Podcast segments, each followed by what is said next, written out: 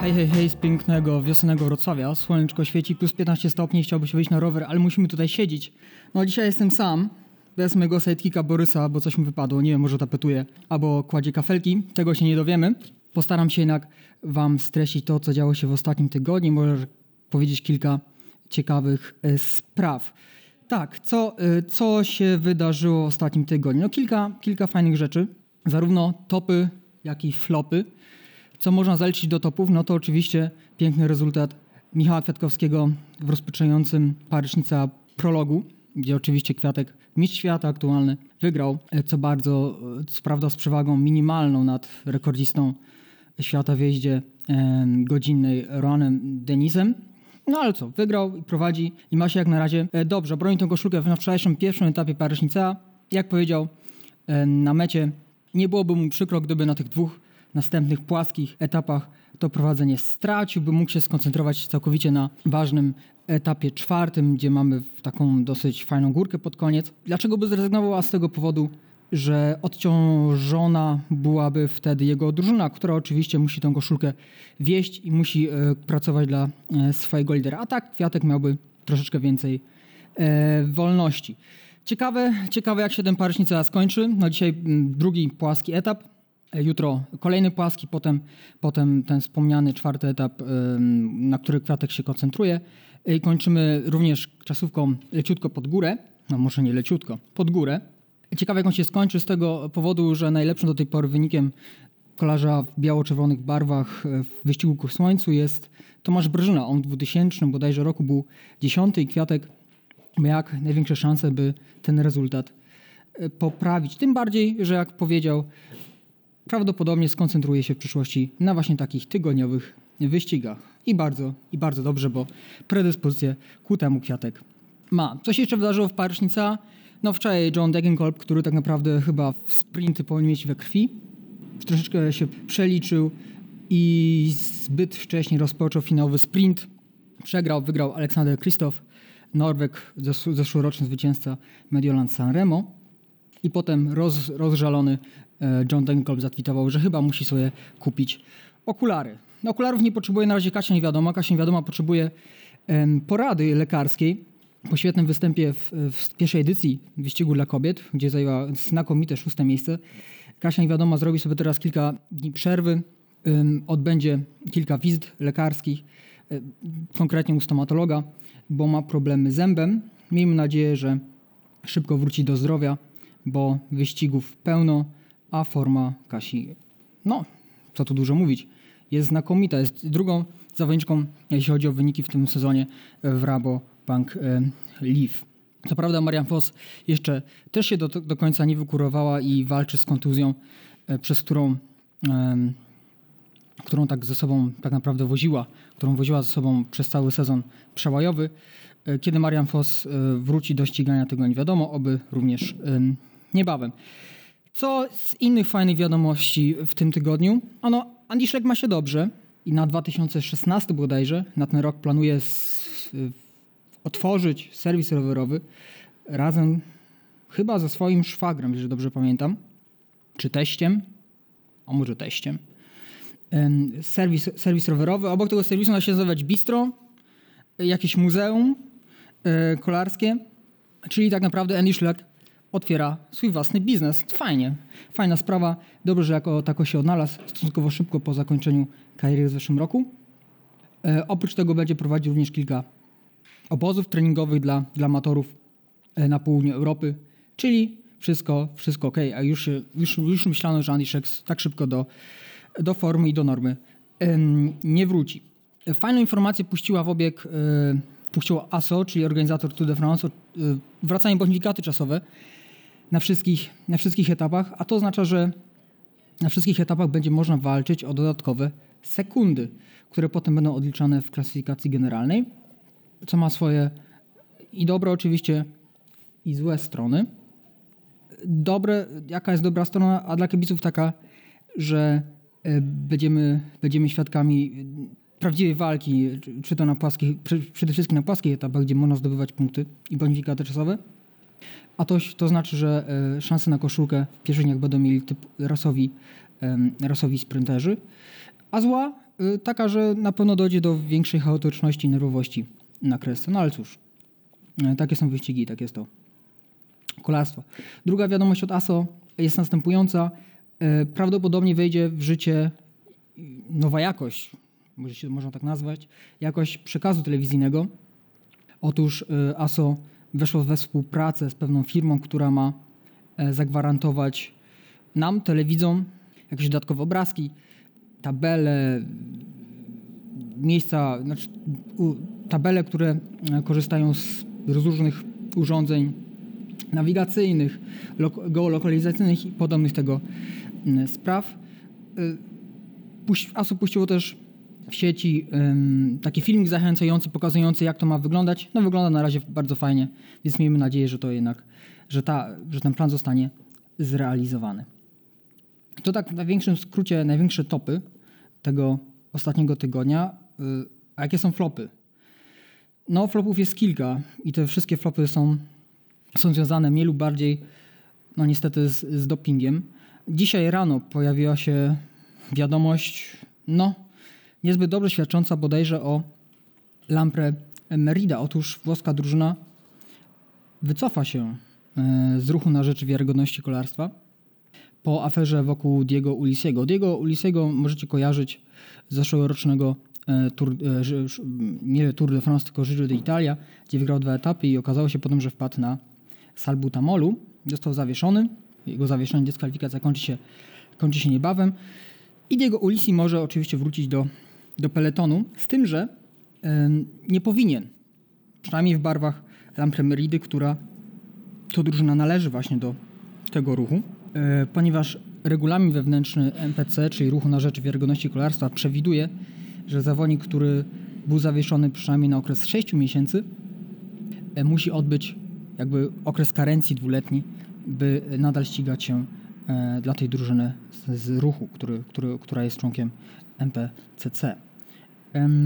No, Lampre się postawiło, stwierdziło, że te regulaminy, te zasady obowiązujące w MPCC, w ruchu są niezgodne i to z, z, z kodeksem pracy, i to z zasadami UCI i zdecydowało się na Ulisiego, a przeciwko ruchowi, z którego teraz to ruchu wyjdzie.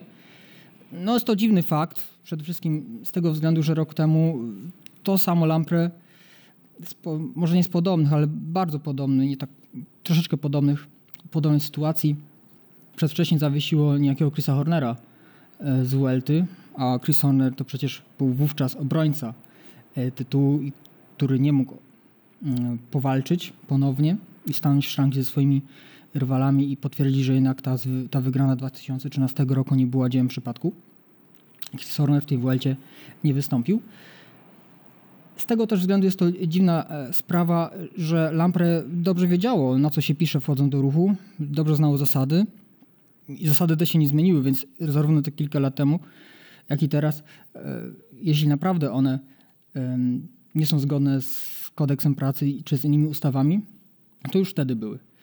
Dlatego Lampre jakby troszkę strzela sobie w kolano. Jest to zły sygnał przede wszystkim dla całej kampanii antydopingowej, nie tylko dla ruchu, dla całej kampanii antydopingowej, bo tak naprawdę powoli się ten ruch staje mniejszym bądź większym pośmiewiskiem.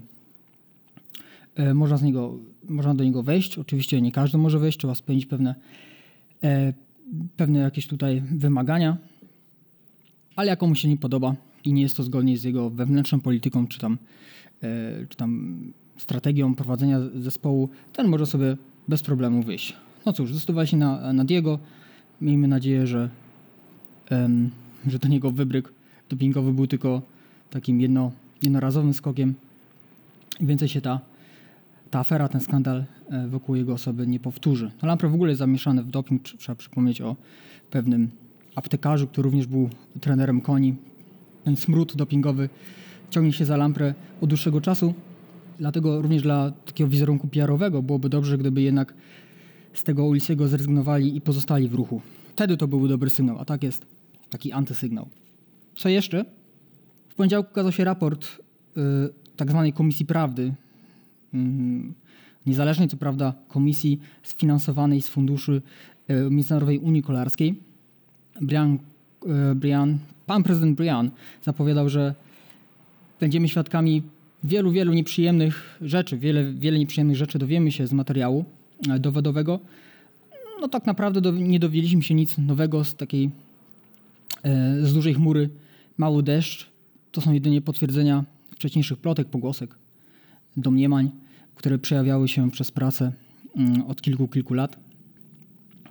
E, jedyną taką fajną, ciekawszą rzeczą jest, jest informacja, że przykładowo na kilka miesięcy przed wyborami w 2005 roku Brian, e, nie Brian, tylko wtedy jeszcze Pat McQuaid, był, był zatrudniony w, Międzynarodowej Unii Kolarskiej na niewiadomym stanowisku, takim nieoficjalnym i dostawał za to kasę. Na tym stanowisku przygotowywał, przygotowywał się do sprawowania nowej funkcji.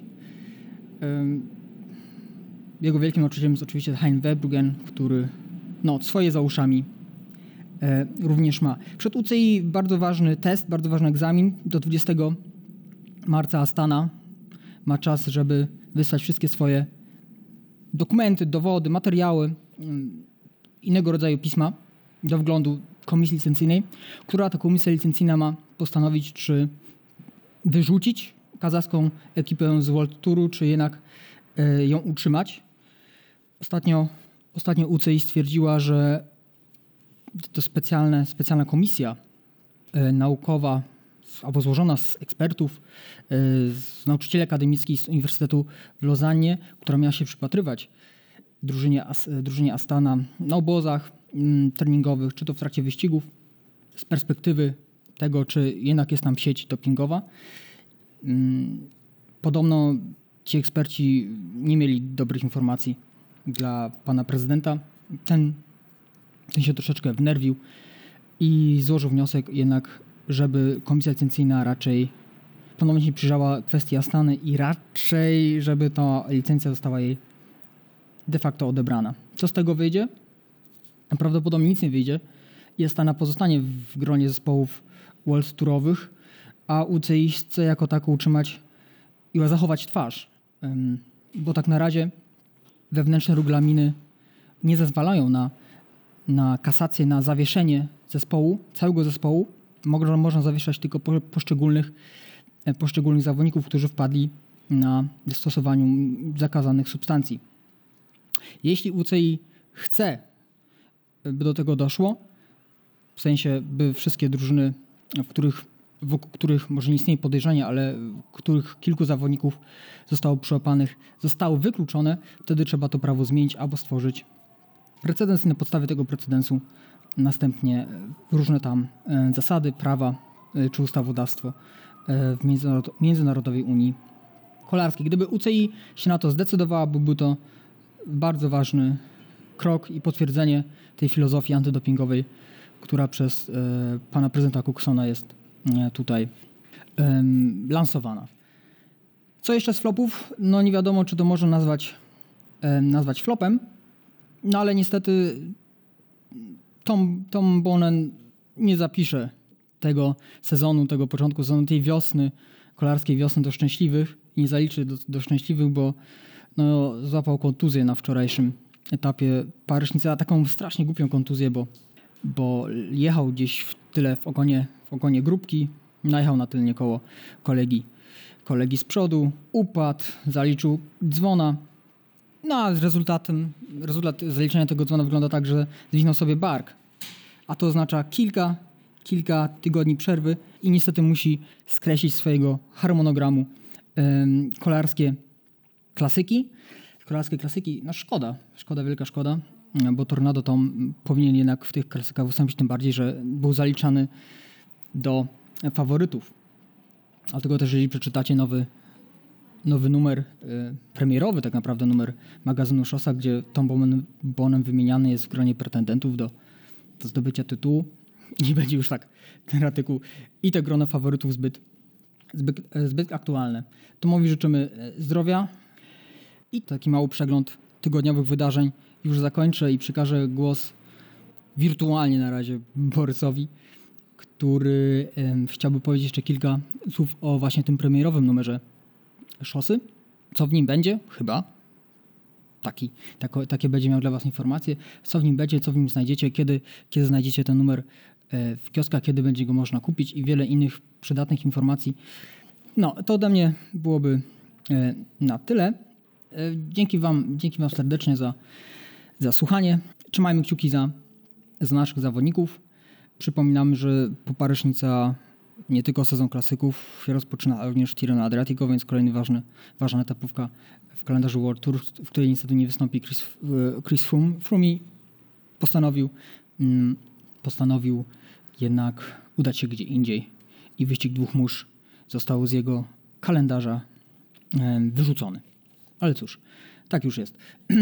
Dobra, to jeszcze raz e, bardzo serdecznie dziękujemy, albo raczej dziękuję. Dziękujemy ja i mikrofon, mikrofon i ja. Dziękujemy i do następnego razu. Hej.